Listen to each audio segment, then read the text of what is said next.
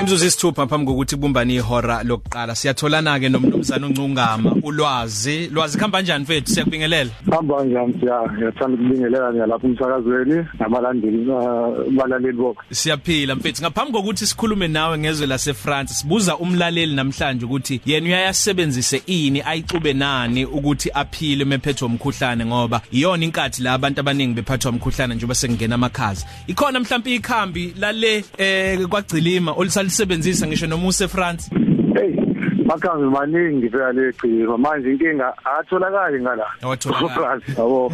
Kodwa Ya, email- thina email yona umama iyatholakala wayevela eFrance. phambili, Email. Email, email. Ithola kuphi France? Ya. Awuzithola, uyithola kuphi France?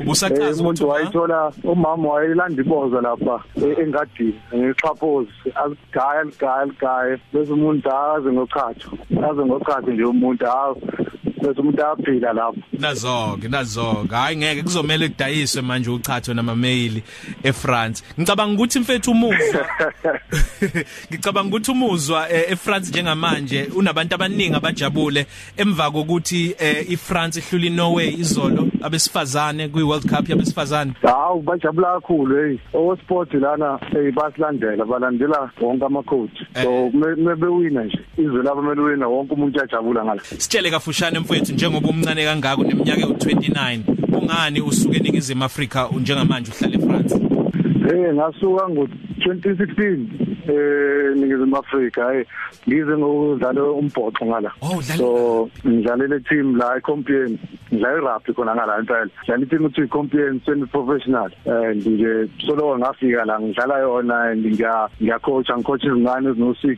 10 Bona. 16 coacha ne neqembu labantu besifazane khona la. Ngiyabona. Manje kungani wakhetha ukuzodlala eFrance? Ngoba siyabona kakhulu abadlali mhlawumbe makuyi off season yangapha eningizimu Afrika. Abanye behambe baye ko France mhlawumbe nawe isizathu esifanayo amathuba khona noma mhlawumbe imali ningani? Cha ukuthi amathuba khona amathuba khona ngomthetho ngaqala ngaye England ngo2015 ngabuyela eningizimu Afrika bese ngathola ucingo kuthiwa hey siyakudinga ngapha eFrance bese ngathi hayi angisahleli sengiyahamba sengiyaqoqa ngiphinda ngakhona ngala. Mm. Amathuba maningi ngala. Mm. Uswenka esisebenza naye la emsakazweni ukhozi usanda kuza kuya lapha eFrance edeni holiday. Wafike wasitshela okuhlukile ngabantu baseFrance. Angifuni ukukutshela kwamanje ukuthi wathini. Ufuna ukuyizwela ngawe. Abantu abaningi balapha eFrance ba abantu abanjani? Abantu baseFrance abantu aba right ba right impela kodwa manje inkinga ukuthi ngathi ba patriotic bayazazi bayazazi. Oh. Isingisi abafuni ukusikhuluma kakhulu bayasazi kodwa bafuna uzama ukukhuluma ilimi labo khona ukukhulume kahle nabo. Kodwa abantu aba-right.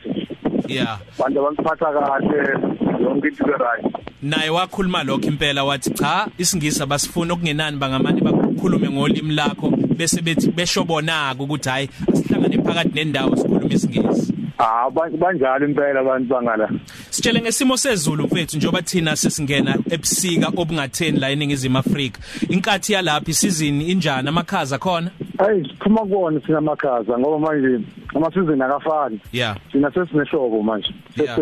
sekuyihlobo ngala kuthina kuyashisa kodwa siphuma kona amakhaza hayi kuya- kuyafika kuyafika ma noku- nokubusika kathina kuyafika kuyafika ngezwe nje abantu bayakhuluma bathi hayi kuyafika njengamanje eningizimu Afrika Eh. into engayijwayele ukuzwa leyo eh, eThekwini futhi ukuthi abantu bakhale kangaka eThekwini Khona lapho ujeqe nes- ne- noma isigwaqane noma inyakama yenhloko badlana abantu baseFrance. hey uJack uyazenzela phela angithi yayabona la uthenga yona u- u- uzenzele wena uJack inyama isibhaqana sikho-ke kusithola isibhaqana bazi abasazi isibhaqane la Eh. yabo Ukudla bakuthanda Yabo, inyama kakhulu. inyama yenhloko yabo ukudla bathanda kakhulu Yeah.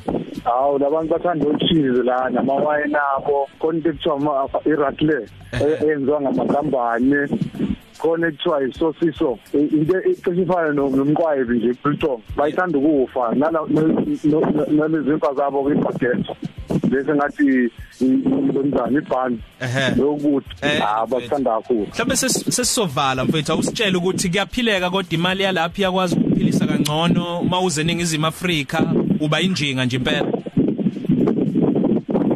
Ah, akufuni ukuthi ngiba injina kodwa hayi kuyaphileka ngalana ngiyakwazi ukuthi ngiphila ngcono njengoba ngiphilana nje sengishaya la iminyaka emithathu manje. Okay. Angiboni ukuthi ngizosuka futhi. Angawuboni ukuthi ngizosuka. Samnandi manje groove up mfethu? Indawo zikhona indawo ezifana no Max Yadini Rens awu awu wazala wazala ngama yes ya bazini ngoshisa nyama ngala. Manje bazini ngoshisa nyama. Ikona ikona indawo la khona ama club akhona lana arounding khona ama club aseko Paris Eh. ah so groove lapho siyangena la ko Paris ngoba ngihlala ngaphandle nje ko Paris Lwazi sibonge kakhulu mfowethu ukuxoxa nawe ukusithatha usibeke ngesimo somqondo njengamehla enqondo. Ukuthi iFrance izwe elinjani. Makwenzeka ngifike eFrance uzoba ngokuqala ngimfonelayo ukungicheckisa indawo sibonge kakhulu mfowethu awu ngithinti ungidonse ungidonse impela ngofaka endaweni sisabonga kakhulu mfethu. Ulwazi incungama ongwasegcilime ebhokodisa eSouth Coast. kwaZulu Natal ngokuhlala ke manje usehlala eFrance udlala umbhe umbhoxo aphinde futhi acoach aqeqeshe izingane ezisancane kuyona irugby. 12 to 3 nosiyano selbionze ku Khosi FM